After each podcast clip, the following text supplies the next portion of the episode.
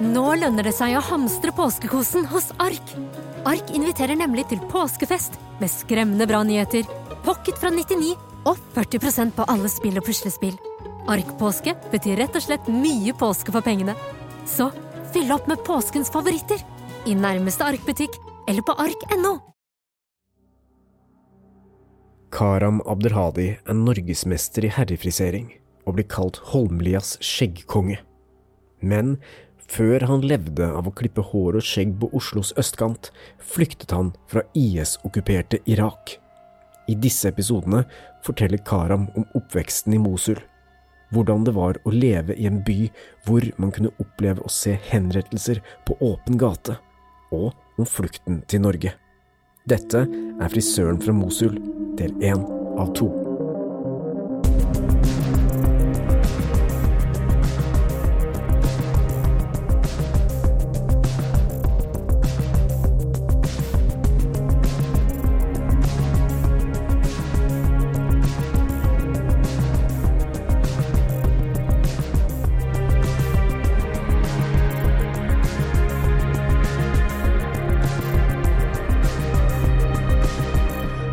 Velkommen til oss, eh, Karam. Du eh, har jo en spennende historie å fortelle. Du vokste opp i Mosul i Irak og hadde en ganske dramatisk tur hit. Og har på mange måter eh, skapt deg et nytt liv i Norge, da, men vi ønsker jo nå også å høre litt eh, historien din. Hva du opplevde som barn, hvordan det var å flykte, hvordan det var å komme hit, ikke minst. Skal vi begynne med du, der du starta, eller Helge? Absolutt. Nei eh, Jeg eh, heter Karam, og jeg er eh, opprinnelig fra Irak. Født og oppvokst der.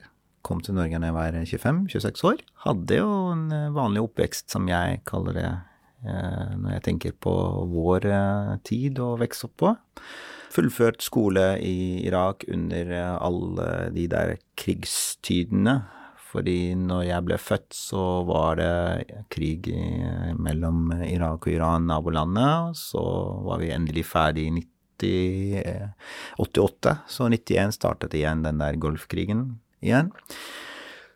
Var jo fjerde-femte klasse, da. Vokser opp med det her og lærer du bare om krig og bombing og hvordan du bruker våpen, hvordan du skal beskytte deg mot krigen og sånt. Og helt til da du blir voksen. Det var det om igjen og om igjen. Én krig er slutt, og én krig er starta igjen, og ja. Du, du, du, sa at du hadde hatt en vanlig oppvekst, men uh, du, du, kommer fra Mosul uh, i Irak. Uh, en by som har vært nå Den var jo totalt beleira av IS for noen år siden. Men, men, men, hvordan var din barndom? Hvordan var det som barn å løpe rundt i, i, i Mosul?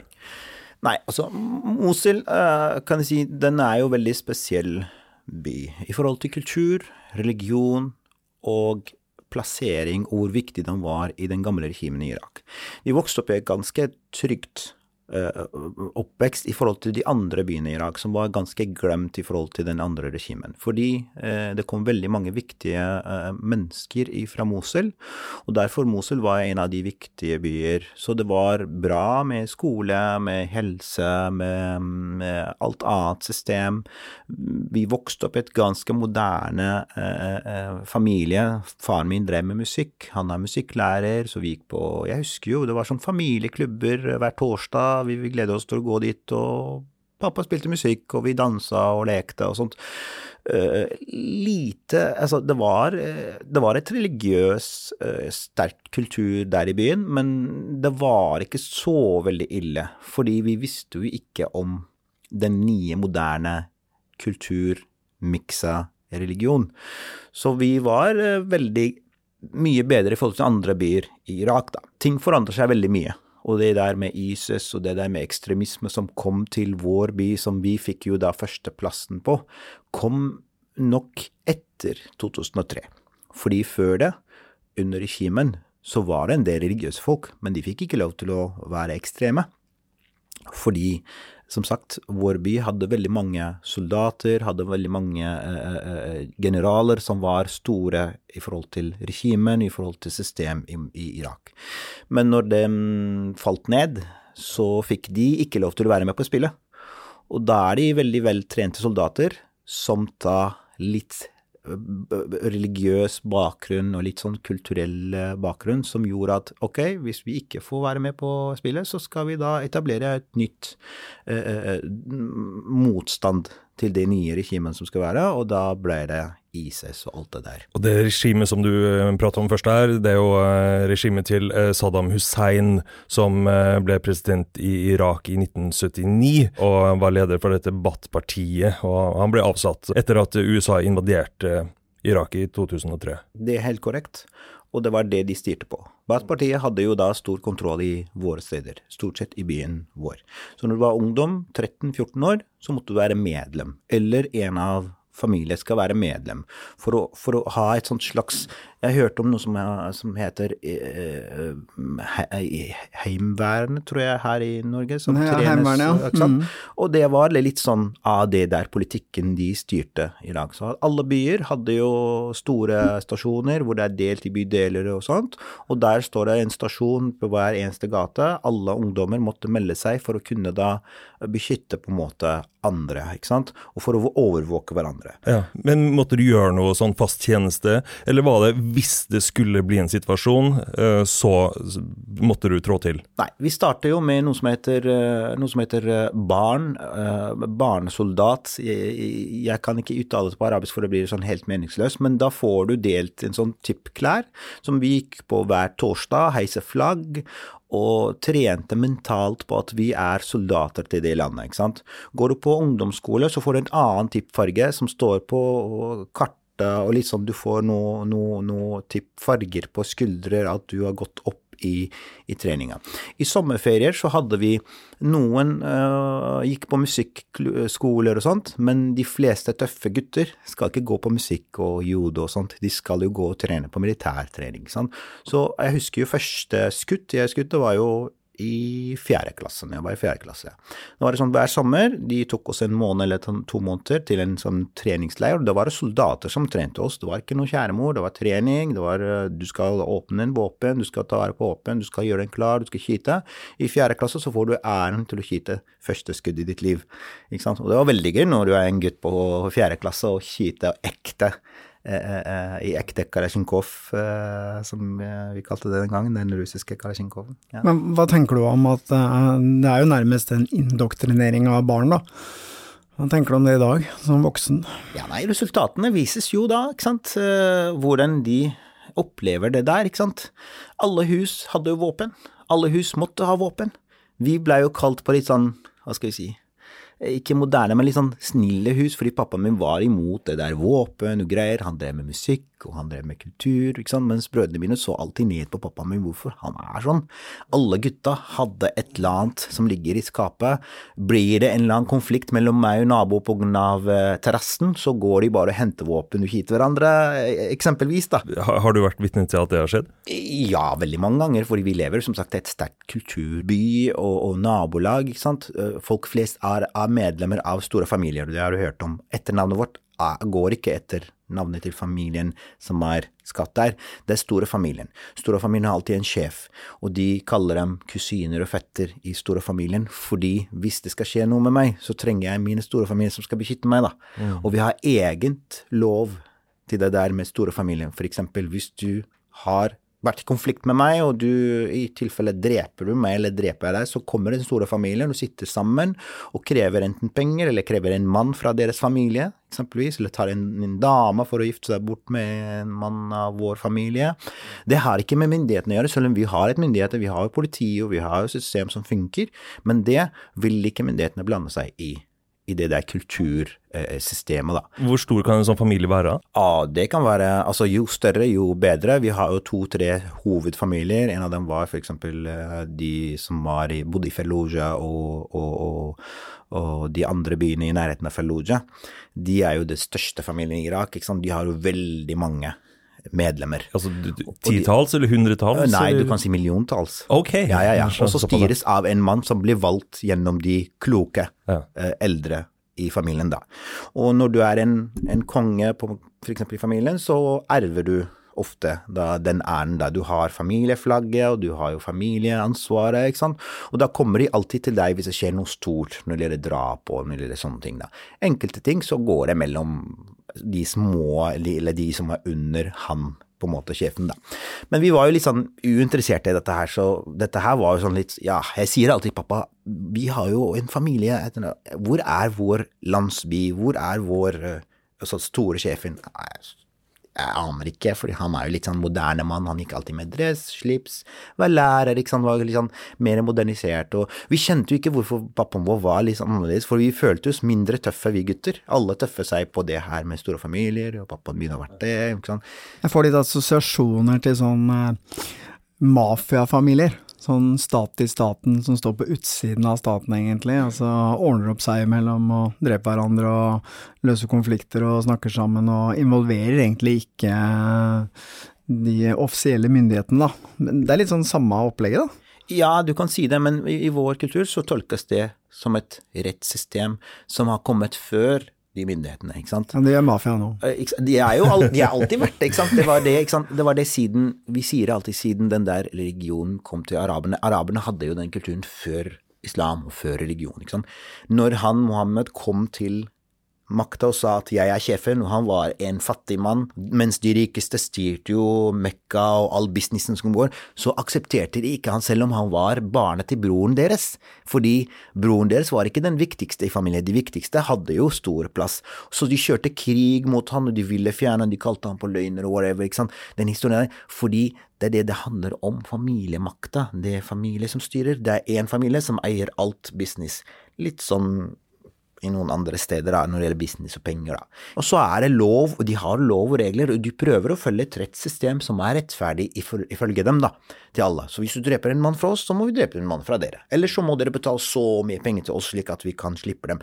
Og da går du til staten, sier du vet du hva, han mannen har drept broren min, og jeg vil, øh, jeg vil ikke anmelde dette her. Så vil retten si ja, så lenge dere avgjør dette her mellom hverandre og sånn, så har retten krav på f.eks. å straffe han noe som heter samfunnsstraff og sånt, fordi at han har gjort noe galt. Men det store straffet, det skal han slippe fordi det er dødsstraff hvis du dreper en mann i Irak. Men aller flest slipper jo av det at du går og snakker med Stein Morten sin familie og sier du vær så snill, jeg vil ikke at broren min skal havne i fengsel og dø.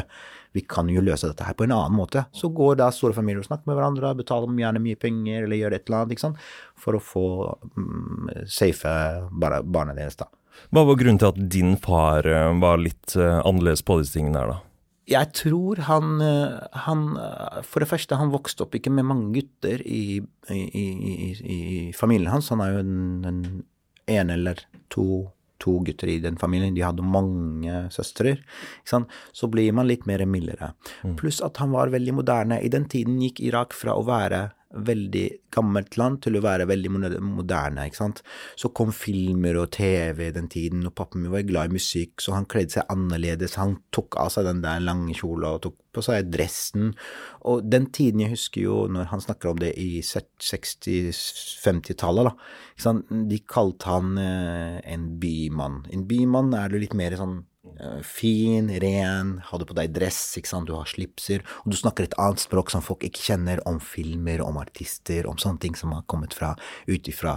Mens hans far og de, hans onkler var litt mer sammen, de hadde også sånne store makt og alt sammen. Så han hadde alltid konflikt med faren sin, som han fortalte om, fordi faren sin skal ha han til å dreve det hotellet han drev i hovedbyen, ikke sant, han skal være det, mens pappa min studerte musikk, og det gjorde han uten pappaens vilje, ikke sant han uten at pappa aksepterte. Og så gikk han og gifte seg med en annen dame fra en annen kultur, for det er veldig populært hos oss at du skal gifte deg med de nære, som vi kjenner. ikke sant? Så starter jo denne revolusjonen i familien vår derifra, da. Okay. så det starter jo veldig feil. ja. Men jeg vil gå litt tilbake til uh, Fordi vi har jo vært i nærheten av Mosul, og det var jo ikke så veldig langt fra, sier man, Kurdistan. Ja. Det var jo veldig kort avstand der, og eh, Saddam Hussein han uh, gjorde jo ganske mye mot disse kurderne på 80-tallet. Uh, hvordan opplevde du det, hørte du noe om det? Det var sånn nærhet, altså, jeg husker jo det var Brukte jo liksom kjemiske våpen, og det var mye som skjedde. Hvordan påvirket det deg og familien din? Ja, jeg kan si deg en ting. Jeg er jo fra, fra god blanda familie. Min fars søster, hun er gift med en kurder og han har familie i Zaho, i Kurdistan, Irak, i nærheten av Dok. Og min mors søster, hun er også gift med en kurdisk mann, som var også uh, bodde i, litt lenger ut i Zaho. Så de var litt sånn vi var litt sånn i nærkontakt, så mine kusiner som vi har vokst med, de er jo kurdere. Og de forteller jo hvordan de har det når vi var barn. Jeg husker de snakka om at eksempel hvis, hvis, de skal på besøk til oss, så var det ikke så veldig lett å få dem i de høye tidene.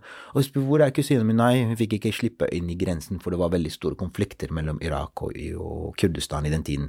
Kurdistan tok jo den der eh, selvstyret, tror jeg, i rundt 90-tallet eller noe sånt, så før det var det mye krig. Det var det sånn mann til tanta mi, hvis han kommer inn til Irak, så blir han stoppa i grensa, og blir han spurt mange ting, hva skal du drive med, selv om han var en helt vanlig taxisjåfør, mann, ikke noe sånn stor betydning. Så det var veldig sånn rart å høre når du er barn, bare hæ, men er det ikke sånn at vi kan reise dit. Nei, du får ikke lov å reise dit, for du må være voksen. Du må ha en sånn reisebevis. Du må ha en unnskyldning for å komme dit og datten. Husker tanta mi fikk ikke lov til å ta med seg en sjokoladebit, fordi de hadde jo åpen grense til Tyrkia. De hadde tyrkisk mat, tyrkisk sjokolade, som var forbudt å importere til Irak. Så de stoppa dem i grensen, tok bagasjen deres, tømte alt sammen før de slippa inn mens de smugler, noen av barn smugler en eller annen sjokolade til oss, var det vel wow, veldig stort. Og så fortalte de oss om den andre verden som var i Kurdistan, for de hadde jo mobiltelefoner, de hadde jo den analog eh, digitalt kanalsystem, ikke sant. De hadde så mange annen ting som vi ikke visste om i Irak, for det var veldig forbudt å ha en, uh, flere internasjonale kanaler i Irak. Det var nesten dødsstraff på det her hvis du ser en annen kanal enn Iraks-kanalen. Du kunne ha den antenne, og den antennen må være lav, slik at han treffer treffer kun de irakiske kanalene, for å kunne sikre deg at du skal ikke høre noe annet enn det du får Vil ikke ha noe påvirkning utenifra. Ja, det ikke Nei, ikke sant. Så, ja, det var som sagt mye ting som vi, vi, vi, vi, fikk sjokk som barn. Vi visste jo ikke hvorfor som sagt våre familier kom ikke. Vi kan ikke reise til dem, fordi de sier alltid å, vi har veldig fine fjell i Nord-Irak, det er veldig kaldt der, det er veldig fint der. Så ja, men de fikk ikke lov til å ta med bilder engang, frem og tilbake med dem for å vise dem til oss, da. Apropos, ja, apropos kaldt. Eh, vi, vi, vi, var jo i, i Nord-Irak eh, i 2017, Stein Morten, på, i mai. Og jeg hadde da pakka med meg null bukser og jeg tenkte jo at uh, dette blir jo en varm og fin opplevelse. Men uh, det er jo høyt oppe, og vi var jo på noen fjell der og gikk jo på noe snø. og det ble, det ble, en sånn ja. shoppingtur. Ja, det, det, kan være iskaldt der i, i sommeren noen ganger. Ja, vi var jo og besøkte dette palasset til Salam Hussein, som lå oppe på en ja. Eh, ja, ikke sant? Men terrasse hvor du kunne liksom skue utover uh, var rimelig bra utsikt, for å si det sånn. Ja, ja. ja det her var jo Saddam Husseins vinterpalass uh, på toppen av et fjell som heter Gara Mountain. Og det her var jo et uh, fint sted å være en gang i tida, men det var jo helt smadra da vi var der. Ja, jeg hørte jo at amerikanerne hadde fyrt av noen sånne Tomahawk-raketter mot palasset og truffet ganske bra, så det var jo veldig sånn mange ruiner, for å si det sånn. Men så fikk vi også høre at uh, Saddam Hussein uh, syntes det var veldig ok å sparke sine politiske motstandere ut fra verandaene. Det var jo relativt høyt ned, for å si det sånn. Fritt fall 200 meter. Ja, det er jo noen av det der du hører ofte i, i Nord-Korea, for eksempel, at han der presidenten driver med sånt, at han drep, drep sin nær sønn eller nær nivå eller noe sånt, så det, det var jo litt sånn av det samme der òg, ikke sant. Jeg ser for deg litt sånn, husker du i forhold til den våpenkulturen, da, for du husker du på vei ned, Helge, så vi kjører ned, og så stopper og skal se litt på utsikten, og ser rett nedfra, så står det altså noen gærninger og fyrer løs, og det smalt, og vi bare hva skjer? Og det var bare sånn, ok, nå skal vi skyte litt. Ja, for, for da, begynte ja, okay. de, da begynte de som vi var sammen med, de som skulle passe på oss, da skulle de jo begynne begynne å skyte. Ja, men det Du vet, vi sier jo alltid vi, Altså, jeg må jo le av dette her. Vi skyter alltid. Når vi er glad, så skyter vi. Når du får et barn, så går du ut og skyter. Når du får en god nyhet Når, når Irak vinner i fotball, så tar de bare å kite opp på toppen. Når du gifter deg, så kommer kompisene dine og kiter. Eh, til og med amerikanere var det jeg husker når jeg giftet meg i Irak i 2006, var det. ikke sant? Så det var sånn, Hver gang de så et bryllupsgjeng som kjørte forbi, så skyter amerikanere på lufta fordi de vil gjerne vise respekt til det de er, de er med i feiringen. da. Så de lærte etter hvert, fordi først når amerikanere kom til Irak, så var de veldig redd for skyting. Med en gang skyting, så kommer amerikanere og kommer helikopter, og til slutt da begynte de IF for Det det. liksom De, de orker ikke å følge etter, ikke sant. Men det er ingen som tenkte over at de kulene kommer ned et eller annet sted? Eh, de, de skyter opp i lufta, så de sier at det kommer ingen steder, men det, kom, det lander jo tilbake. kommer ned igjen. Så jeg vet aldri hvor det lander Dukke opp et eller annet sted. Og det er, det er jo også veldig mange, mange som ikke kan kite noen ganger. Jeg husker jo jeg var barn. eh, eh, broren min havnet i, i fengsel. Eh, av en eller annen grunn, for han drev, han jobba i den, eh, i den atomske system i Irak i veldig lenge siden. Og så ble han eh, Han ble ferdig på jobben, så gikk han ut, og så plutselig ble han venn med en annen som, var, som drev med et annet ting som var litt sånn mistenksom, så blir han og hele gjengen henta inn i den Vi kaller det PST Irak. Og der havner du nede i fengsel. Sant? Det, det er ingen som vet om dette. her. Så broren min forsvant i ett år, og så kom han plutselig fritt. For han hadde ingenting. De fant bare telefonnummeret hans hos han der. Men ett år? Ja, ett år ned i fengsel. Uh, han kom med masse sånne sykdommer og litt sånn rar uh, tid, og vi brukte et år på å søke etter han på all slags måter. Vi fant ikke. Så var det en del familier som kom da, og feiret det i tre dager. Vi hadde fest hjemme hos oss. Og hver eneste familie som kom, så hadde de med seg en våpen som skøyt, bare for å feire at broren min er ut. Og en av, jeg husker veldig godt, en av våre venner som kom til oss, han eh, skulle vise at han var sterk nok, og skyte med en hånd med Kalsjnikoven, ikke sant. Så gjorde han sånn, bare sånn, tatt, tatt, tatt, så gikk det ned rett i veggen. Og jeg husker jo vi var barn, vi var livredde av å se på den veggen hvor det var sånn fire-fem kuler på veggene. Og vi satte jo familier og barn inn i stue. Men heldigvis, vi bygger jo hus med konkret og ikke med sånn eh, konkret eh, Altså betong. betong og Ja. eh, ja, ikke gips, ikke sant. Så hadde kulene gått gjennom. Og det satt, tror jeg, hundrevis av barn og familier rett bak den veggen. og han bare 'Unnskyld, det smalt, den der'.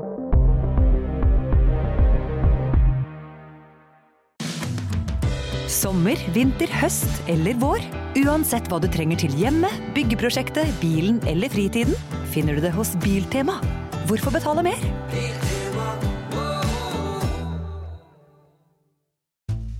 Vi i Rema 1000 kutter igjen prisene. Nå på en mengde påskefavoritter.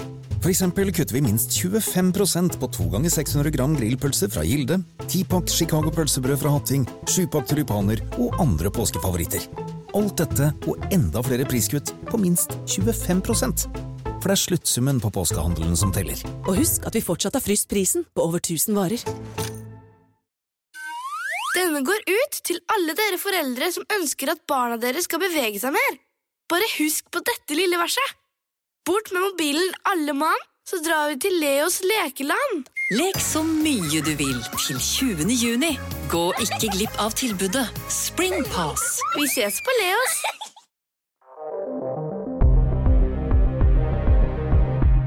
Da Saddam Hussein skulle fraktes opp til dette vinterpalasset oppe på Garafjellet, så ble jo han flydd opp med helikopter. Og da vi var der, så forsto vi jo grunnen til det. For at hele den veien opp til toppen av fjellet var jo minebelagt. Og de mine ligger der fremdeles, for da kjørte vi jo opp langs veien der, og så sto det sånne her røde skilt med dødningshode, som er sånn der symbol for der de har funnet noen miner. da, Det er jo sannsynligvis veldig mange, mange flere.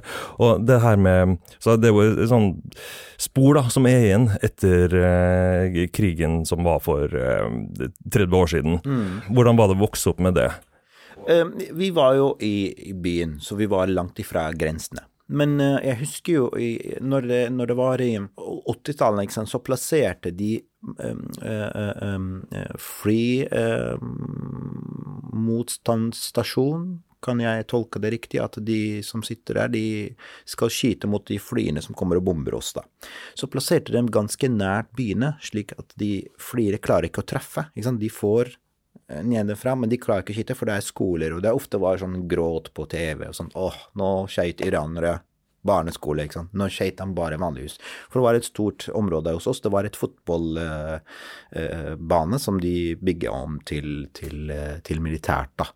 Og når, eh, bombene når flyene kom, bomba ferdig, og det gikk eh, ut, ikke sant, du hører lydene, flyalarmen eh, går ut, så går vi barnet da og se hva vi kan samle av de der restene av uh, mumla. da. Eh, Ja, for det var en greie. Ja, det var veldig stor greie. Altså, vi hadde jo vi, vi, vi, vi lager mange ting av de. De små kan du lage sånne halskjeder av dem. Okay. de store kan du ta dem med. De var sånn såpass store, så kan du lage dem og plante blomster i de, ikke sant. Eh, Og det var veldig store greier, for de var rett ved siden av. Jeg husker jo, det rister jo hele veggen og hele vinduet. Eh, Så noen gang eh, Jeg husker en gang vi var veldig små. Da var det en som fikk treff fra fly. Så var han liggende død der, ikke sant. Det var den vondeste du kan oppleve når du er småbarn. Du skal egentlig samles og si bare Oi, det her er dødmann! Og så løper alle gutta ut, ikke sant. Så kommer selvfølgelig etterpå da ambulanse og sånn, for dette her skjedde jo sånn to minutter etter. Men vi opplevde jo ikke det der grenseproblemene, for vi var jo såpass langt unna grensen. da. Ja, så det var ikke sånn at du risikerte å gå på en mine Eh, nei, da du nei. var ute og spilte fotball, eller? Eh, Det var, det var litt sånn etter 2003, når det begynte de der ISIS å gjøre litt motstand til amerikanere, så plasserte dem overalt. Du vet aldri hvor det sitter en bombe. Hvis du ser en pose, så begynner du å ok, det her er en pose, det er sikkert noe bombe. Liksom. Det er sånn veien til amerikanere, så, så plutselig smeller det. Ja, for vi, Da jeg og Stein Morten var der i 2017, så var vi i en by som heter Telkeppe, som var en typen 20 minutter fra, fra Mosul by. Som, og det, den byen var jo smadra. Det, det var helt det, det var bare en grushaug igjen. Men der var det òg plassert eh, sånn strategisk et keyboard, kunne vi se, som lå, lå fint oppi en haug. Og det de fortalte de vi var sammen med, at hvis du eh, tar det keyboardet og løfter det opp, så er det mest sannsynligvis at det går av en Eksakt. Det var mange mobiltelefoner også, som ligger uh, ute på gater, hvor de har jo eh, et eller annet connection med et eller annet bombe som var veldig populært i Irak. Så Det verste var jo den skolen, Helge. Ja, ja, ja. Fordi da sto det jo Det var en sånn tråd over, en Ja. snubletråd. Og de var veldig sånn Vær litt forsiktig med den snubletråden. Vi tror den er kobla til den fatet der borte med sprengstoff. Mm. Og vi var kjempeforsiktige, men det var to løshunder der. Ja, og de løp fram og tilbake og over den der snubletråden. Jeg husker at vi bare Og vi sa bør, bør ikke noen gjøre noe med de hundene der? Og så, og så sier de nei, nei, nei, de vet å passe seg for denne tråden. Ja, bare, ok. særlig. og, og det som gjorde inntrykk, var uh, når de fortalte at uh, For det lå, lå en del sånn kosedyr og leker. Ja. At, eh, at, eh, at de plasserer sprengstoff under I- eh, i- lektøy. Ja, i, i lektøy. Ja. ja, men det, de brukte jo alt mulig for å, for å komme seg på plass. Altså, de, de brukte øh, det var det veldig populært, at en mann ble kjørt eller ble drept av en eller annen grunn av ISIS og noe, ikke så ligger det en død kropp der. Folk kommer ikke i nærheten, for inni døde kroppen så er det full av dynamitt. Fordi vanligvis, det, det er ingen som tørte å bære, selv om det er broren din, så klarer du ikke å bære den, fordi du vet aldri hvorfor han har blitt drept. Og de ISIS-gutta, hvis de dreper han, så er det en eller annen grunn. Det betyr at du får ikke lov å gjøre noe dødsseremoni eller dødspåminnelse, eller hva det kalles. Ikke, ikke noe ordentlig begravelse, og det er veldig viktig for, i vår kultur at du må gjøre noe sånn spesiell seremoni for begravelsen. Fordi han har blitt drept på bakgrunnen. Det betyr at han er enten en spion eller en sånn dårlig mann eller sånn. Det var det ISIS har egentlig sprøyta rundt. Så du går forbi den dødskroppen, du forventer at enten amerikanere kommer til å bære han og ta han til kjøleskapet i sykehuset, slik at du kan gå og ta imot broren din, eller så kommer eh, de politiet, og de politiet var jo like redde, ikke sant. Det var veldig mange dødskropper som var egentlig fullt av dynamitt når amerikanerne bærer dem inn, ikke sant så sprenger hele greien. Og da slutta de med det. Så da lå mange dødskropper i veldig mange uker. De blir Det ble spist bare liggende. Ja, de blir spist opp av hunder og sånn. og du ser familien din eller naboen din eller broren din som du skjønte han. Du klarer ikke å komme i nærheten av han, fordi du vet aldri om den, er, og den klarer å bære han eller ikke. Det, det her med IS eh, Her hjemme så virker det nesten som at det kom litt sånn over natta. Plutselig bare var det hundretusenvis av uh, karer som kjørte rundt på lastebiler og svarte klær og var, var klare til krig. Men hvordan kan, kan du fortelle litt om liksom fremveksten av, av, av det der? Dette her har vært egentlig planlagt mye før krigen. Mye før krigen var, hadde vi en gruppe som heter uh, Hva skal vi si Saddams uh, uh, tilhengere. De er en veldig spesiell gruppe som trent veldig vel. Trent på de verste situasjoner. De, de, de, de signerer da de melder seg inn, at de kan dø for navnet Saddam. Mm. Og det var etter han ble avsatt i 2003? Eh, ja, eller nei, før, før, før. Mye Før, før. ok, Mye før. ja. De hadde de verste oppdrag. De var ikke militær, de var ikke politiet. De kledde seg svart, brukte de masker. De kan komme på hvilket som helst oppdrag, og ingen kan stoppe dem. Ikke PST i Irak, ikke politiet, ikke sjefen, ikke hvem som helst. De hadde jo makt, og de var veldig veltrente gutter. Ingen visste hvem de er. Hvis du er medlem der, så kan du ikke gi navnet ditt og sånt, og de gikk alltid med svarte masker.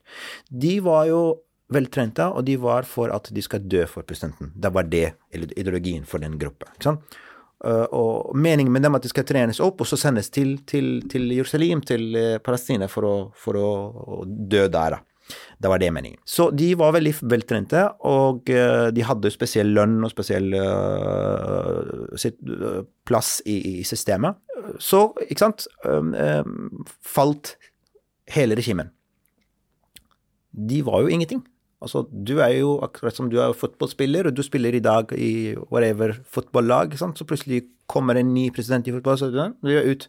Og så får du heller ikke spilt på de andre lagene i nabolaget eller i landet, ikke sant. Så bare what? Jeg har brukt hele livet mitt på å trene for dette her.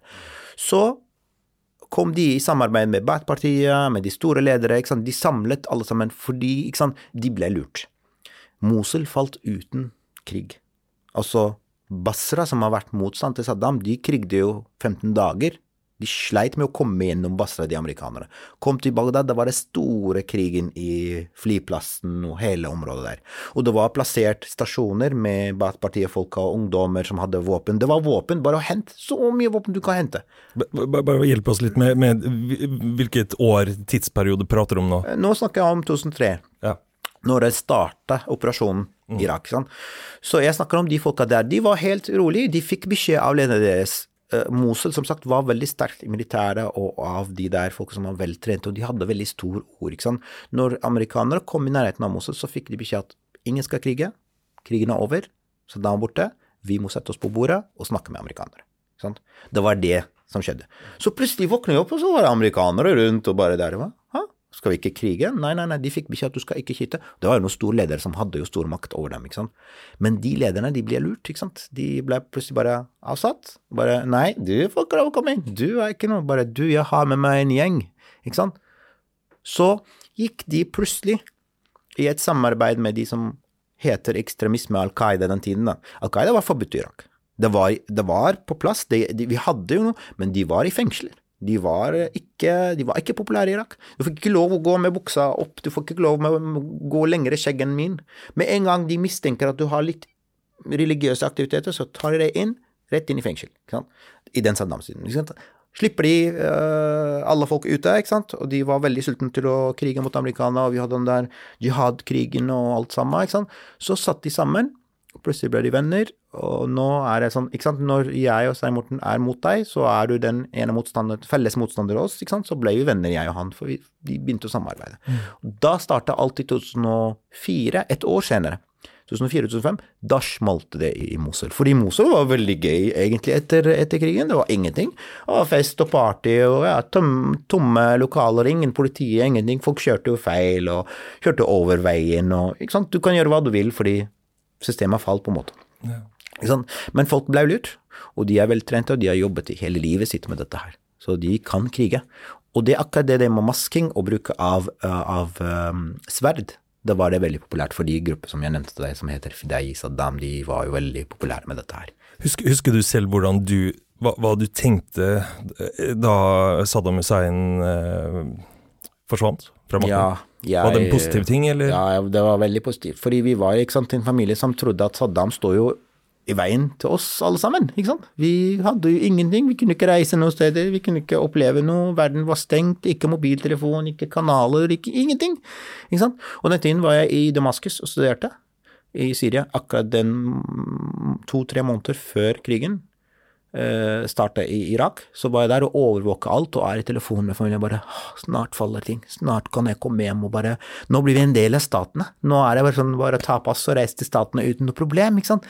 Det var det vi hadde forventa. Det var det dere så for dere, ja. Men hvis vi, går, hvis vi går tilbake til krigsutbruddet i 2003, da amerikanerne kom. Du var jo 20? Ja, da var jeg 20 år. Men, men, kan du bare beskrive hvordan det var å våkne opp til at det plutselig var full krig? Selv om det ikke skjedde så mye i Mosul, så må du vel ha Vi, som sagt, i, i, akkurat den tiden så var jeg ute og reist. Sant? Var jeg student. Og da var jeg inn og ut i Irak bare sånn for å stemple passa tre måneder og komme tilbake. Men eh, vi hadde jo Jeg var jo ute og så på nyhetene hvordan det går i verden, og så ringer jeg til familien min eh, I morgen kommer amerikanere til dere. Jeg bare Hysj, ikke si det, ikke sant. Det, det, det stemmer ikke. Jo da, sier jeg. Det skal skje. Men det å våkne til krigen var ikke noe nytt for oss. For jeg husker jo 91, ikke sant. De troet Irak med kjemiske våpen. Og vi sov og står jo opp, plutselig bare Hæ, hva skjer? Nei, vi var veldig glad for det var ikke noe skole den tiden, ikke sant, andre klasse. Da satt mammaen min og pappaen min alle med sånne filtermasker og bare Nå kommer amerikanere og bomber oss. Det var 17. natt til 17. januar 91. Da amerikanere begynte å angripe Irak i den tiden. Ikke sant? Og når du vokser opp med dette her, så bare Ja, ok, krig igjen, da. Ikke sant? Så det er sånn liksom Ja, det skal bli krig. Ja, men det, ja, det er jeg vant til. Men, ikke sant? Sånn er det bare. Så lenge du bare overlever og det går bra, ikke sant, så er det greit. Men det var ikke sant, Det var store glede vi hadde til at åh, endelig skal ting skje. Endelig han skal falle. Kommer noen ledere fra Europa, fra USA, som har bodd der i hele livet sitt. De er litt mer hjerneåpne, de er litt mer uh, moderne, ikke sant. Det var det vi forventa. Og jeg husker veldig godt jeg sto for mine ord i mange, mange, mange måter, for jeg kom tilbake til Irak etter fallet. For da ble jeg litt sånn problematisk med pass og sånt, og da hadde jeg ingen stat lenger, og da måtte du tilbake og ordne deg opp, ikke sant. Kom de inn, og Irak var veldig fin, Mosul var veldig fin by, full fest, helt til 2004, slutten av 2004-2005, da starta den der opprøret. Da plutselig så vi de der maskerte menn som kjørte fine biler, altså nyere biler enn det politiet hadde en gang. Jeg aner ikke hvor de fikk Toyota, samme biler, ikke sant, pick up Toyota de Halox heter det, ikke sant. Samme biler, samme merke, samme farger, uten skilt. Du og jeg, vi er voksne, ikke sant. Du tenker bare Irak er et land som ikke har port, som ikke har vann rundt seg. Vi har Saudi-Arabia, vi har Syria, vi har Iran, vi, ikke sant. Hvis du skal smugle en bil, den går an å smugle den gjennom Sahara gjennom grensene, men hvis du skal smugle 300 Toyota 2000 og åremodell, ikke sant, det må være noen som har jo hjulpet til dette her, ikke sant. Det er noen som har jo? De hadde jo bedre eh, utstyr enn selve politiet våre, som hadde ingenting. Eh, de hadde system, de hadde hockey-talkie som var faktisk like moderne som amerikansken, og de var helt nye. Så man sitter og lurer på bare eh, Hvordan kom det utstyret dere? Hmm. Ja. Hvem var det som forsynte dem? Det er noen som er eh, Noen av oss har gjort det, ikke sant. Men hvordan ble det i Mosul da disse svartkledde IS-folka dukka Da opp? var det blodig. Da var det virkelig. Da fikk vi beskjed at alle må sitte hjem. Eh, Er du politiet, er du Fordi folk meldte seg på det nye politiet, ikke sant. Etter fall, vi måtte jo ha politi. Folk gikk og meldte seg. Det var sånn veldig lett å gå til politiet. Bare du, vil du bli politi? Jeg har ingenting å gjøre, ikke sant. Du er en ungdom, du har ikke noe å gjøre. Gå til politiet og meld deg inn, du får jo bra lønn, ikke sant. Amerikanere trener deg opp og sånt, ikke sant. Folk jobber veldig mye med amerikanere, de var veldig åpne. Noen gikk og jobbet som tolk, noen gikk og jobbet som kokk for amerikanere, noen gikk og bygde stasjoner for amerikanere, ikke sant. Alle fikk beskjed på dagen, du må skrive en unnskyldning, brev, og henge den på den nærmeste moskeen i nærområdet. Hvis ikke, så kommer vi ta deg. Veldig mange gjorde det, og veldig mange andre blåste det. Så de gikk og plukket en del navn som de kjente jo, da. Fordi de folka var jo blant oss før. Unnskyldning for at man hadde hjulpet amerikanerne? Ja, at du angrer på at du har gjort dette her, okay. og du på en måte skal aldri gjøre det. Fordi islamske staten har kommet nå, og vi skal jo ta amerikanere. Hadde du vært kokk hos amerikanere, du vært mm, arbeider, whatever, om du hadde vært maler, jeg har vært frisør, ikke sant. Så det er sånn, du må skrive en unnskyldning den tiden. Og veldig mange gjorde det for å slippe. Men veldig mange andre ikke gjorde det, eller ikke sluttet. Ikke, de her er losers, vi kan ta dem. ikke sant?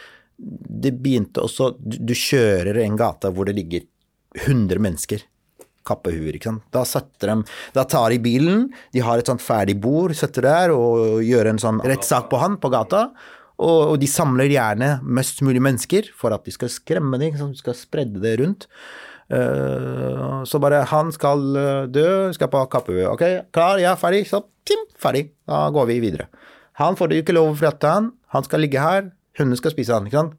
Du sier det til familien. Så kommer mor vær sånn, det er min sønn, ikke sant, jeg vil ta Men nei, han har vært eh, dårlig menneske. Han, er jo, han fortjener ikke be- begraves engang. Sånn. Og det gjorde det i flere distrikter. Var det her noe du selv opplevde? Ja, den tiden øh, var jeg tilbake i Mosul. Den tiden var øh, det hardeste, ikke sant. Vi fikk jo Jeg var jo frisør, ikke sant. Jeg fikk ikke lov å klippe skjegg. Vi måtte jo skrive store skilt overfor salongen at vi barberer ikke skjegg, for det var tydeligvis ikke lov, ikke sant. Eh, vi napper ikke bryn, eksempel. Vi klipper ikke noe moderne klipp. Klippen var standard under loven deres, ikke sant, og de kom og sjekka. Og, og, og, og du vet, det er sånn Det er litt sånn små ting, ikke sant. Liksom koronatiden nå. Vi stengte jo salongene våre, ikke sant. Veldig mange har Leif ringt meg, du, kan du klippe meg? Jeg bare «Øh, nei, jeg kan ikke. For eksempel, ikke sant. Eller du ringer kompisen, du, jeg trenger litt sånn fiks, kan du, ikke sant. Du møtte jo venner litt sånn på baksida. Og det var veldig mange som gjorde Broren min, ikke bare kan du klippe skjegget mitt før han har vokst, sant. Jeg orker ikke mer. Ja, jeg klipper han hjemme. Og så plutselig får naboen høre at jeg klipper broren min, da går ordet videre, ikke sant. Så jeg hadde jo faktisk en kollega som sto med meg i salongen, hvor vi står tre stykker og klipper, og vi hadde jo skilter og alt er lovlig, ikke sant. Så kom to maskerte gutter. Hei, hei. Hvem er det Mannen som heter Abdikarim? Ja, han. Ja, kan vi ta et ord eh, med deg ute? Så tok jeg ja. Bom! Og de gikk inn bare Han får ikke å begrave, ikke sant. Så familien hans at han var dårlig mann. Men unnskyld, hva gjorde han? Du, får ikke lov å spørre. Du får gjøre akkurat som jeg visste det, ikke sant? Og så gikk det. Ingen visste hva det er. Han døde, og vi nærmeste venner, vi visste ikke hva han gjorde. Folk begynner da å lage historier. Kanskje han begynte å klippe folk hjemme, tror jeg. Han dro til folk og klippe, ja, jeg husker han var hos naboen og klippte han med skjegg og sånt. Nappa øyenbryna. Tre barn og voksen mann, ikke sant. Rett utenfor salongen vår.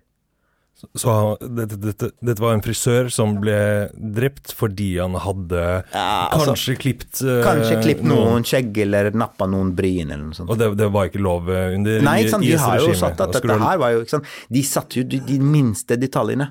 Mm. Du får ikke lov å gå ut, du får ikke lov å gjøre det. Damene fikk ikke lov. Akkurat det samme som den tiden her. Damene måtte sitte inne. De som drev med dette her, det var plutselig ikke lov. De for eksempel som selger uh, bilder, var ikke lov å selge bilder. Fotografer var ikke lov å ta bilder.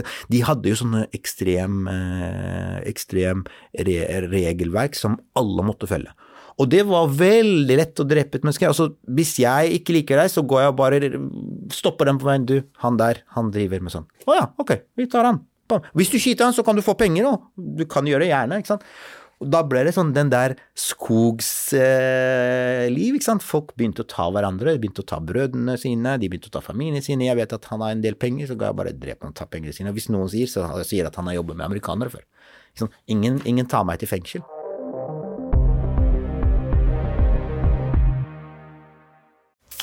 Ja, det fine med å høre på podkast, det er jo at du kan gjøre noe nyttig samtidig. Kan f.eks.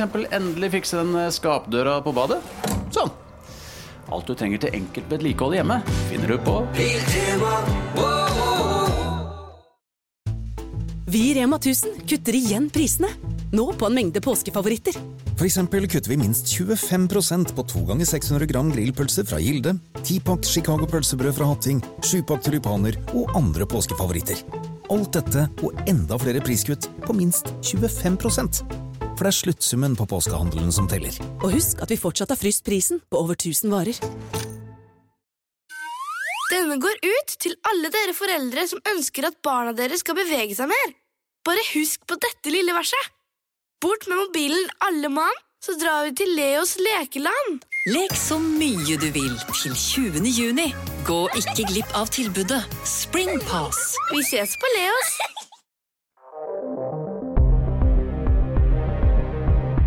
Hvordan var det å leve under et sånt regime, da? Det må ha vært helt forferdelig. Det er jo forferdelig, ikke sant, fordi du, du, du Altså, det, det verste som kan som, øh, som skjer, er jo da at de tar folk som er jo øh, ikke gjort noe. Du går på gata, så plutselig blir du stoppa. Jeg husker det veldig godt. I, I nærheten av min salong så var det folk i ramadan-tid, etter iftar, etter maghrib, så går folk til moské og gjør et eller annet ting. Så kommer de tilbake da og går til familien sin. ikke sant? Det var to brødre som gikk sammen. Og vi står jo også, lokalet mitt ligger sånn i et hjørne hvor folk kommer forbi sier hei, hei, ikke sant? så går de bak lokalet, og så går de videre der de bor. ikke sant? Det var to brødre som gikk fra moskeen, ikke sant. Gikk videre.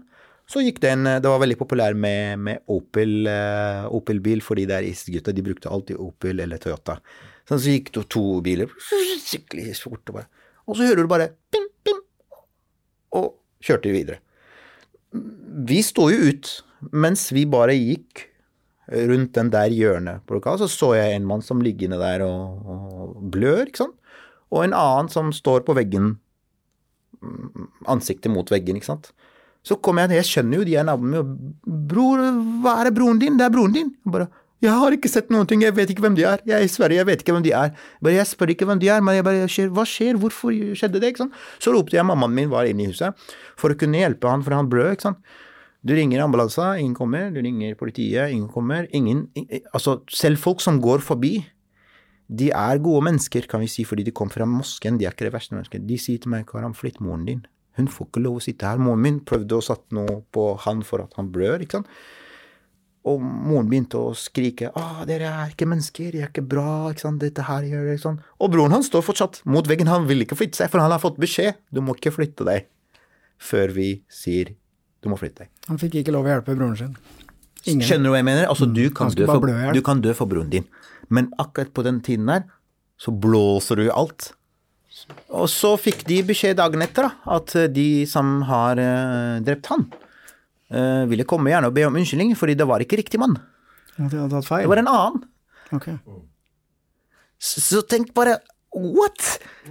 Fikk det noe etterfølger at de hadde drept Nei, en får jo, du, du får høre, ikke sant, det er nabolag, det er veldig sterkt, sånn, broren hans blir drept, ja, så begynner folk å snakke om, kanskje han var militære, kanskje han var noe sivil, kanskje han jobber med amerikanere før, men vi kjenner jo han, han kjører jo eksempel drosje, eller har et lokalt butikk der, ikke sant. Nei, han var ikke det. Og så kom da eh, noen menn til deres familie, til den eh, eldste i familien, sier du, vi var fra den gruppa som drep broren. Ja, hva vil du? Nei, vi vil gjerne be om unnskyldning, for å være kriktig riktig mann. Vi skulle drepe en annen, og så kom de litt fort, og så ble det han, da. Ikke sant? Men de store grupper, de hadde jo veldig stor kontroll. Og på den måten hadde de kontroll over oss, ikke sant. Du tør ikke å åpne kjeften. Du vet at dette her er ikke riktig. Du vet at dette her ikke med religion å gjøre, du vet at dette her ikke med systemet å gjøre, men du kan ikke åpne kjeften, for hvis du åpner kjeften, så står broren din ved siden av deg og sier hm, kanskje jeg kan si det, så kan jeg bli kvitt av deg, for eksempel, ikke sant. Så folk var redd hverandre, og de var redd konene sine, de var redd kjærestene sine, de var redd familien sin, de var redd alt, og å leve dette her i et helt liv, ikke sant. Alle er enige i at dette her er ikke riktig. Når du sitter mellom hverandre, så kan åh, åh, Gud, bare dette her er slitsomt, ikke sant. Men med en gang det kommer, så er det folk måtte ut og bare heie på dem og bare ja, dere er beste, vi liker dere så godt, ikke sant. Og sånn eh, var livet, da. Mm. Hvilket år var det du flyktet?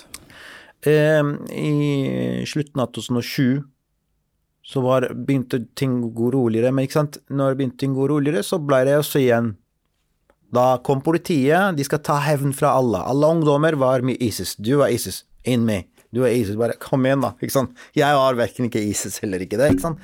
Men så kom amerikanerne veldig sterkt. Kom kurderne og tok over Mosul den tiden. De krygde veldig mye, og de hadde jo stasjoner. Og de fanger veldig mange, så de kommer til et nabolag. Alle gutter mellom mm, 16 og 40 inn i fengsel. Sånn er det bare. Og så tar de deg der flere måneder der, til de bare avhører deg flere ganger og mishandler deg og sånt, og så slipper de ut. Så du ble satt i fengsel? Eh, jeg og bro, brødrene mine, tre stykker, vi var, vi var på en eh, fest hvor vi sendte moren min ut. Og vi hadde faktisk, da hadde jeg skaffet øl og sånt den gangen, for det var veldig vanskelig å skaffe øl. Og røyket shisha og satt der sent på kvelden. Så hadde vi gjest fra en annen eh, by som var på besøk oss. Så, så plutselig skjedde et eller annet på morgenen. Står på morgenen, hører jo bare med mikrofoner og roper alle gutter mellom det og det står ute i gata. Alle sånn. Så går du ut med underbuksa di, liksom, og du er sånn halvvåken. Jeg hadde sånn hangover. Jeg så klokken fire-fem, og så står de klokken seks på morgenen og roper. Jeg er fortsatt ikke helt edru. Du er ISIS, du er ISIS, du er ISIS. Inn i boksen.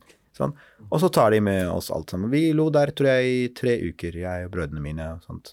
Vi hadde det veldig moro, det var, for det var hele gjengen fra nabolaget. Vi hadde jo satt der. Men ikke sant, vi mm, tar en av oss og mishandler han skikkelig og vondt, vondt, vondt, og så slipper han fri. Ok, han er ikke ISIS. Slipper han fri.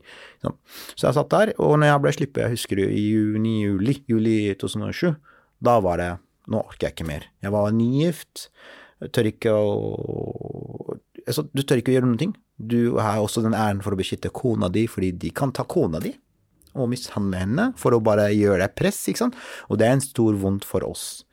Arabere og muslimer, og whatever. ikke sant? Det er sånn for kulturen. Jeg er fortsatt Jeg er, bor her, jeg er fortsatt uh, veldig open mind, veldig Men for meg, kona mi er veldig sånn sterkt, ikke sant. Ingen skal se på kona mi, ingen skal røre henne. Du kan gjerne gjøre hva du vil med meg, men ikke gjøre på kona. Og de brukte det her veldig godt. Så det var veldig vondt. Det var veldig, veldig, veldig trist. Du kan ikke drive business. Drive, åpner du salongen to-tre dager, så må du stenge pga. bombing. Fikser du vinduet, så faller det. Så tok jeg bare den eh, veien og reiste ut mot Tyrkia, da. Ok, Kan du fortelle om denne flukten, eller? For den, det var vel ikke så enkelt å komme seg fra Mosul til Norge? Nei, ikke sant. Du må kjenne noen. Og jeg har en tante som bor i Sverige.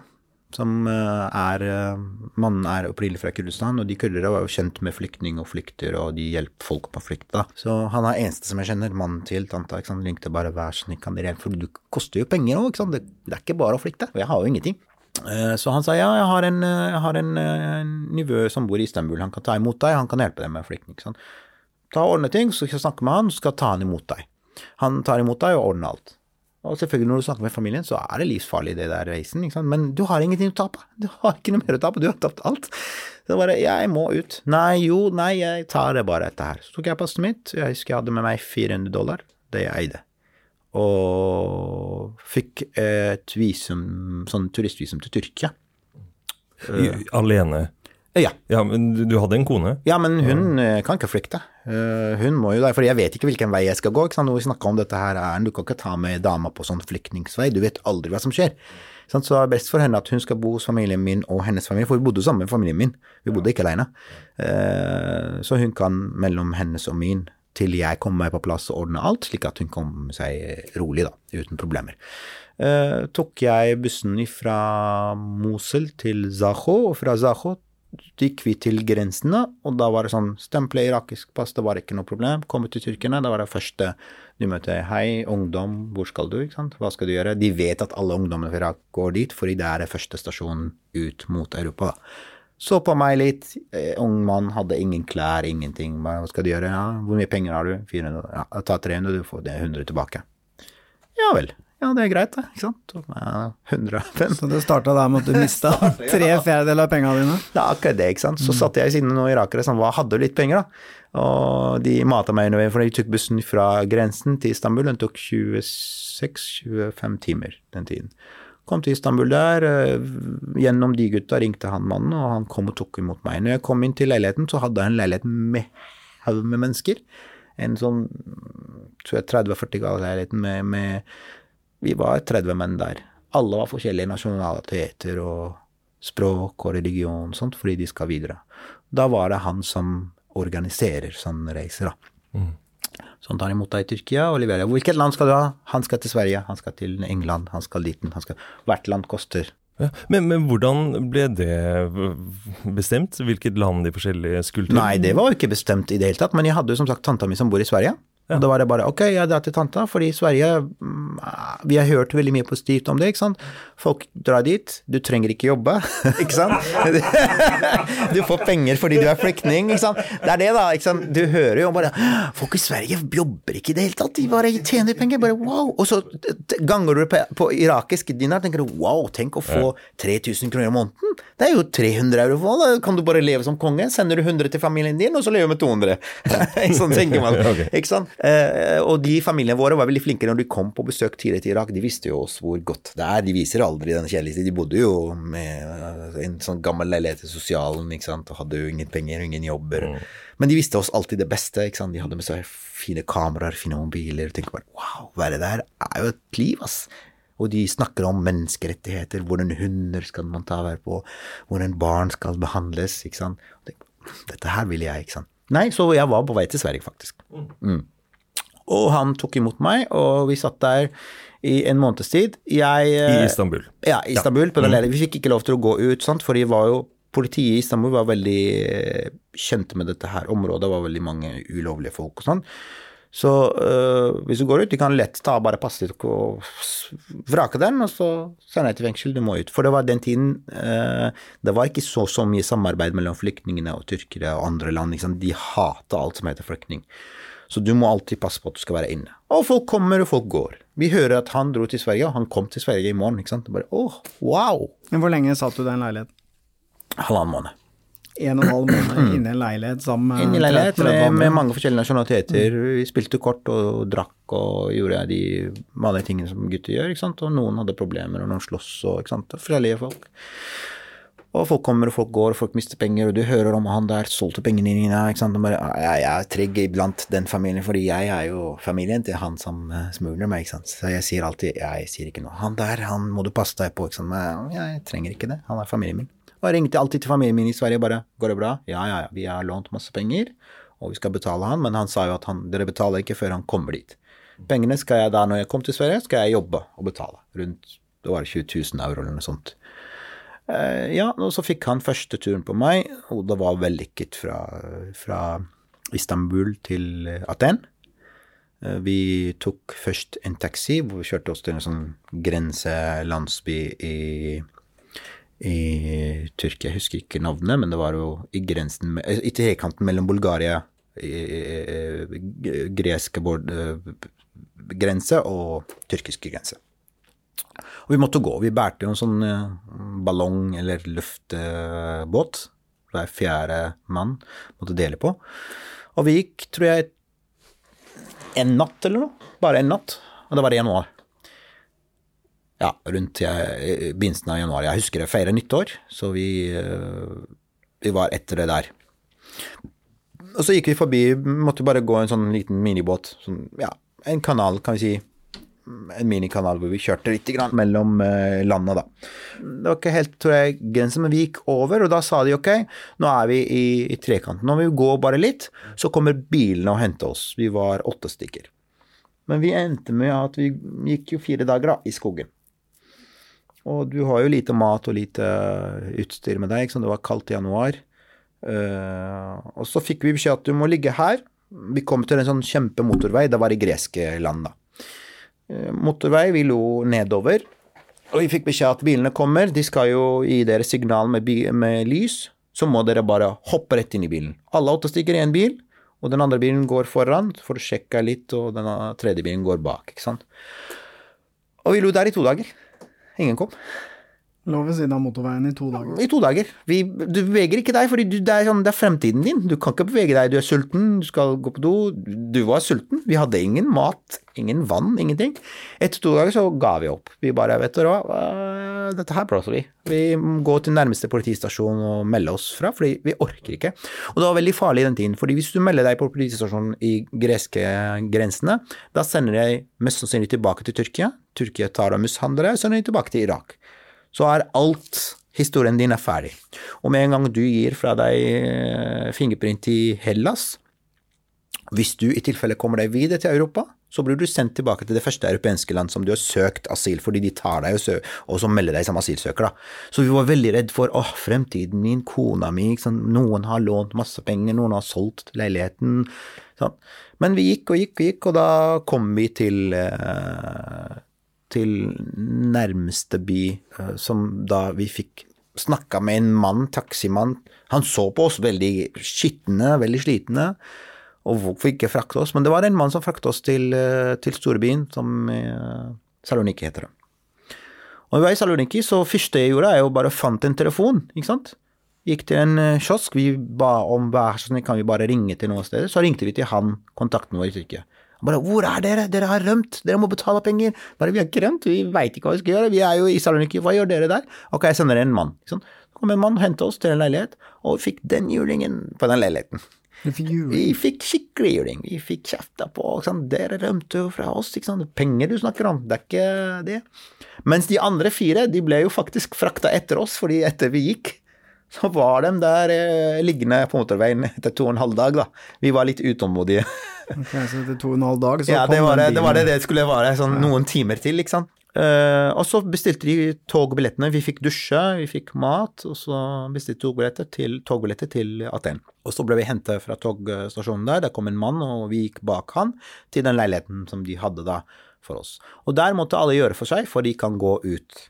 Noen eh, hadde jo andre kontakter i Aten som skal gå videre. Jeg måtte jo være med de, fordi jeg vet jo at han skal hjelpe meg. ikke sant?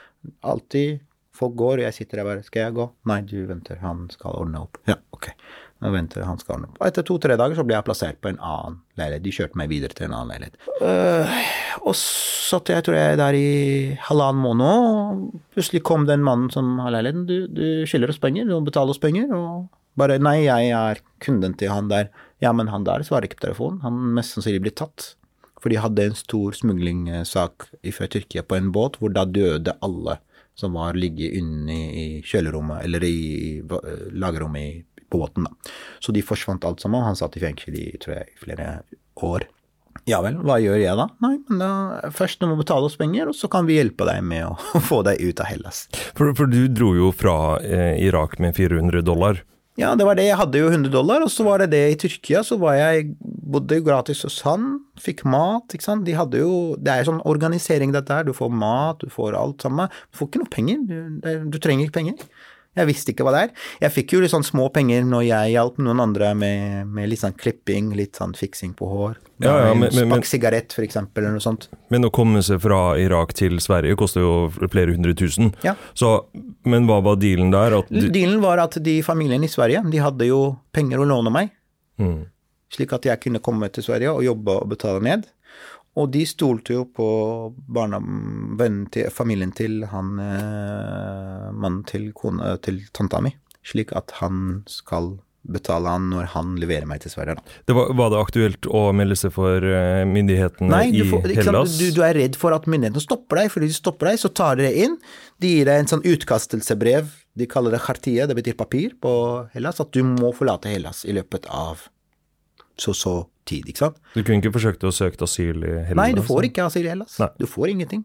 Sant? Og du får heller ikke henta familiegjenforening. Jeg har en kone som venter på meg, jeg har en gjeld jeg må betale. Hva skal jeg gjøre ellers? Folk dør jo av sult i Hellas, de jobber ikke. Ja. Så du kan ikke gjøre det. Du vet at du, hvis de tar deg, og du får fingerprinten din, så er du kjørt. Da er det ferdig. Da havner du i Hellas, da blir du her. Du får ikke pass, du får ikke eh, skole, du får ingenting. Du får et papir som betyr at du må forlate landet. Ja, for det du snakker om nå er den såkalte Dublin-konvensjonen, er det ikke det? Nemlig det at det er første landet som registrerer deg som du er asylsøker i. Riktig. Sånn at hvis du blir tatt av Hellas, så visste du at da var det rett tilbake til Irak. Ja. Er da Hellas vil ikke ta imot det. De sier ja, ja, du kan gjerne bo, bo ut på gata, det er helt greit, men du får ingen papir, du får ikke registrasjon, du får ikke personnummer, du får ingenting. Og da er det ikke det du vil, liksom. Du har drømt om noe annet, du har lovt kona som sitter hjemme og venter på deg at du skal gå og ordne seg slik at hun kan komme, så betyr det at hun kan aldri komme, og du kan aldri reise hjem. Hvis du vil være der, så kan du gjerne være der, og bli en loser på gata og selger narkotika eller et eller annet. Det var det de fleste gjør, da, som blir tatt der. Hva, hva skjedde for din del da? Endte du på gata i Hellas? Endte på gata, møtte jo, jeg husker en eh, som eh, var veldig sint på meg. Han bare spurte du, vi har en hotell. Det var en sudaner som driver en hotell for flyktninger. Trenger registrasjon. Det koster 10 euro å bo der per natt.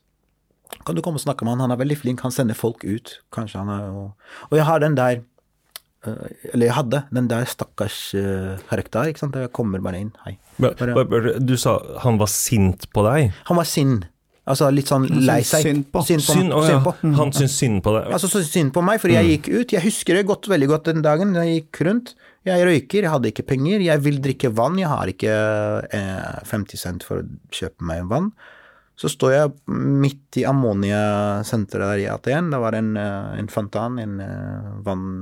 En fontene. ikke sant. Så satt jeg og drikket vann der. Og så så jeg en mann som kastet sigarett, så skulle jeg bare plukke den og røyke den, ikke sant. Og da var jeg veldig fornøyd. Da drikker jeg vann, og da har jeg røyka, ikke sant. Nå er det veldig fint. Og så så jeg en som satt der, som så veldig lik meg, ikke sant. Han bare så på meg, bare 'går det bra med det?' Jeg bare 'nei, det går ikke', ikke sant. Du vil bare snakke med noen. Og er det, så sa jeg det, og så kan bli med på hotellet, fordi han har jo har ikke, Hvor er pengene dine ligger? Fordi i Hellas har de et annet system. I Hellas har de kontorer hvor du kan plassere pengene dine som en tredjemannspartner i den avtalen. For det er smugling, det er mafia. Du kan aldri stole på folk, og det koster jo 10 000 dollar. Så kan du, hvor er pengene dine ligger? Bare pengene mine ligger hos fetteren min i Tyrkia, men han er jo blitt tatt, så jeg vet ikke hvor det er. Og familien din, ja. Ok, kan du ringe til tante? Så gikk jeg bare ga henne miskål, liksom, snakka litt med tante. Går det bra? Han bare, han har tatt penger, han skal levere deg, bare vent, han skal komme. Bare, hvor skal jeg vente? Jeg er ute på gata, sant. Og så fikk jeg blikk med dem til det hotellet. Han mannen var veldig proff mann, han hadde jo over 100 flyktninger i det hotellet, men det var svart. Ingen visste om det hotellet, ingenting. Han bare 'Hva er det du driver med, hva er det du jobber med, kan du jobbe?' Bare, 'Jeg er frisør, bare jeg har et rom oppå taket hvor jeg klipper folk'. Og de som reiser ofte, de trenger en freshing klipp, for de skal gjennom flipe og sånn. Og det koster fem euro å klippe. Kan du ikke bare klippe her, og så tjener vi 50-50 du er, og så kan du bo gratis her. Det er liksom bare Hæ, tuller du med meg? Ja, så klart gjør jeg det. Altså, det. Så lenge jeg får mat, og det er helt greit. Han var veldig ordna mann, og så jobber jeg tre-fire dager og klipper folk dag, natt, dag og natt. Klippe. Jeg går ingen steder, fordi det er jo Du risikerer livet hvis du går ut. Og så kommer jeg bare hva, hva skjer med deg, når skal du reise? Bare, Aner ikke, jeg har ingen penger, så må du hjelpe meg. Du må snakke med familien din, du må fikse penger. Så ringer jeg til Irak, ikke sant. Familien hadde ikke penger. Og jeg vil ikke si at jeg opplever de vonde tingene og sånt. Snakke med tanta i Sverige, ja, du må vente, for vi skal jo få pengene tilbake fra han, ikke sant. Men ja, livet mitt, ikke sant. Dere må gjøre noe. Nå sitter jeg her, og det går jo hver dag at jeg bare står her og sier ha det til folk og sånn. Så jeg satt der en, en stund til uh, til de sendte meg til en annen. De hadde funnet en annen mann som jobber med det samme. Du må forlate hotellet, så går du til han, han har leilighet, han sender deg ut i morgen. Ok, greit. Takk for meg, takk for at dere hadde meg her. Hvor skal du? Jeg skal til han bare. De er ikke bra folk. Bare, de kjenner jo hverandre, de i sant. Jeg fikk beskjed av tanta mi at jeg må gå dit. Hva skal jeg gjøre? Men du får fikse penger, så kan jeg ta Jeg har ikke 7000 euro, 6000 euro. Jeg har ikke. Så må jeg bare følge etter de tantene mine og de familiene mine som har pengene, da går jeg dit, så prøver de da å sende meg på en sånn bulgarisk pass eller et eller annet, husker jeg. Sånn fake pass. Vi bestilte båt fra Patra. Hvor, hvor, fikk du det passet ifra? Eh, han som tok meg imot, vi gikk igjen til en leilighet hvor det er kunder og sånt, så kom han til meg dagen etter, du skal gå og ta bilder, vi skal jo fikse pass. Så sitter du og tar akkurat samme bilder, så får du sånn et, den gamle versjonen av den bulgariske passen som er litt i papir Okay. Eh, så for Bulgaria var jo nettopp medlem i EU. Mm. Ikke sant? Eh, så fikk de bestilt det til meg, og vi gikk inn i avtale. Det var ingen som sjekket passet i Patra, det var gresk politi som står her. Vi gikk inn uh, late som du er turist, ikke sant. Det er, en, uh, det er en båt som går mellom Venezia og Patra. Veldig populær uh, smuglinglinje, da. Går inn, uh, da er sånn litt sånn av den jackpoten. Treffer du noe italienske politiet, så blir du stoppa og blir sendt tilbake. Treffer du ikke italiensk politi i tilfelle, så går du bare ut i Italia, og da er du i Italia. Det er mye enklere å komme til Norge. Eller det var til Sverige, da. Og vi prøvde, vi var en gjeng, og når vi gikk ut, så var det italienske Det var så 37 timer, tror jeg nå, i båten. Først full fest, akkurat som Stena Line, Color Line her. Party og fest og drikke, ikke sant. Og veldig fint. Og så kommer du inn i Venezia, du kjører veldig lenge inn i Venezia og tenker bare wow, endelig her. Folk vil hoppe ifra båten og bare bade videre, ikke sant. Kommer du, så møter du italiensk politiet, som vet absolutt at det passer ingenting, og du er flyktning, og de vil ikke ta imot deg fordi du kom fra et annet europeisk land. Det skjedde med det? Ja, det gjorde det. Okay. Etter tre dager så ble vi stoppa rett på gata, sånn rett på veien. Politi, pass, pass, sånn bare stå til høyre. Så hele gjengen ble plukka ut. Tok med oss til politistasjonen, eh, ga oss et par klapp, ikke sant. Bare ja, det er ikke bra, sånn, kast passet. Vær så snill, vi vil ikke få fingre, vær så snill, ikke ta fingre. Ikke sant? For hvis ingen tar fingre, så har det et problem. Ikke sant? Vær, gjør hva du vil. Han bare ja. ok, dere blir med meg, vi går til kapteinen. Vi stenger dere i ikke så går dere hjem til Hellas. Deport. Det er bare det de sier. Deporte, deporte. Ja, deport er helt greit, bare ikke, ikke ta fingrene. Mm. Tilbake til uh, båten igjen. Tar deg uh, gresk politistasjon, de er jo de er jo haug med mennesker der. For det er fullt afghanere, somalere, afrikanere som går derfra på båter. De henger seg fast på noen sånne lastebiler, noen av dem. Afghanere har ikke penger, de ofte er veldig populære ut på gata. Med en gang de ser en lastebil, så henger de seg fast ned den på motor. Om politiet ser dem, så ser de. Hvis ikke, så går de inn i garasjen, og der er, der er full party til båten kjører. da. Når uh, bilen skal ut hit, så henger de seg fast igjen mellom varene, mellom et eller annet. ikke sant? De er veldig flinke til det. Vi er litt sånn mer fine folk, vi betaler penger og vi går gjerne fint, men Du vil ikke henge under en bil? Nei, ikke sant. Det, det, det, altså, det er kjempevanskelig. Du, du, du, du, aner ikke hva folk gjør for å komme seg bare gjennom grensen. Mm. Uh, ja, nei, jeg ble stoppa og sendt til Patra politistasjon. Patra politistasjon er litt sånn større enn det her, Roma. De dytter deg inn for å få plass. Folk sånn inni hverandre. Inni doene. Hvis du skal sørge deg og du skal stå og tisse, så må du bare si Nå kommer jeg rett borti hullet, så må du bare passe deg at du skal bare Sitte et par dager, så kommer gresspolitiet kjefter og, og kan Idioter, ikke sant, vi er mange av dere, ut, sånn. Du får et sånt papir som sier at du må ut av landet en måned du har på deg. Sånn. Så slipper de deg ut i gata. Hva skal jeg gjøre? tar du svart tog eller noe sånt. Du har ikke noe penger. Du har ikke noe Tilbake til Aten. Tilbake til Aten, ta metroen, tilbake til Så det, nå var du på god vei til å bli sendt tilbake, for det er samme løypa som du tok? Ja, nei, det er det, det, det. Vi, vi, lærer jo etter erfaring, vi snakker med folk. Sånn, så lenge det er vanlig politisamtale, de gidder ikke å jobbe. For det er en sånn deportering er jo en sånn kjempesystem. De må ha deg på busser, du må sende deg tilbake. De gidder ikke. Greske har jo millioner av oss. Så du får bare, du, øh, ikke vise oss ansiktet ditt igjen. Europa? Ja, ok. Ut. Vi tar ikke noe finger, ikke sant? Men jeg vil ikke se deg igjen. Greit. Jeg lover. Jeg går ut. Så går du tilbake rett på gata, så går du tilbake til de der kontaktene. Kom tilbake og bare 'Å, hva skjedde med deg?' Jeg snakka med kontakten, han sa du er i Italia. Jeg Bare Italia? Jeg er, jeg er ikke i Italia. Så det bare en ny eh, partybåttur? En ny partybåt etter tre dager. Akkurat det samme. Okay. Men jeg var veldig sånn bekymret den gangen. Jeg bare, ah. Og så så jeg bare politiet stå der. Det er bare Dit skal jeg ikke, ass. Jeg skal ikke av. Så gikk jeg og gjemte meg på, på doen på båten.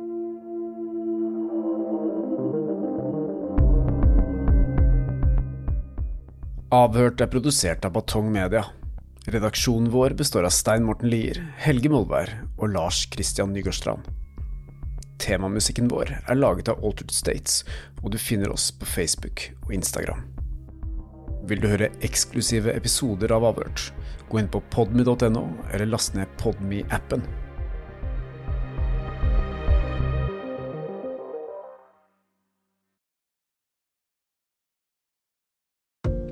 Godt råd fra Apotek 1. Når du skal kose deg i solen, er det viktig med god solbeskyttelse. Hodeplagg og skygge hjelper, men vi trenger også solkrem. Vi har ansiktssolkremer tilpasset ulike hudtyper. Har du f.eks. tørr, fet eller normal og kombinert hud, finner du solkremer spesielt tilpasset deg og ditt behov. Kom innom og få råd på ditt nærmeste Apotek 1, eller chat med oss på apotek1.no. Apotek 1. Vår kunnskap, din trygghet. Vi i Rema 1000 kutter igjen prisene. Nå på en mengde påskefavoritter. For eksempel kutter vi minst 25% på gourmetstykket fra Hatting, 150 gram bacon fra Nordfjord, rett i koppensuppe fra Toro og andre påskefavoritter. Alt dette og enda flere priskutt på minst 25% For det er sluttsummen på påskehandelen som teller. Og husk at vi fortsatt har fryst prisen på over 1000 varer.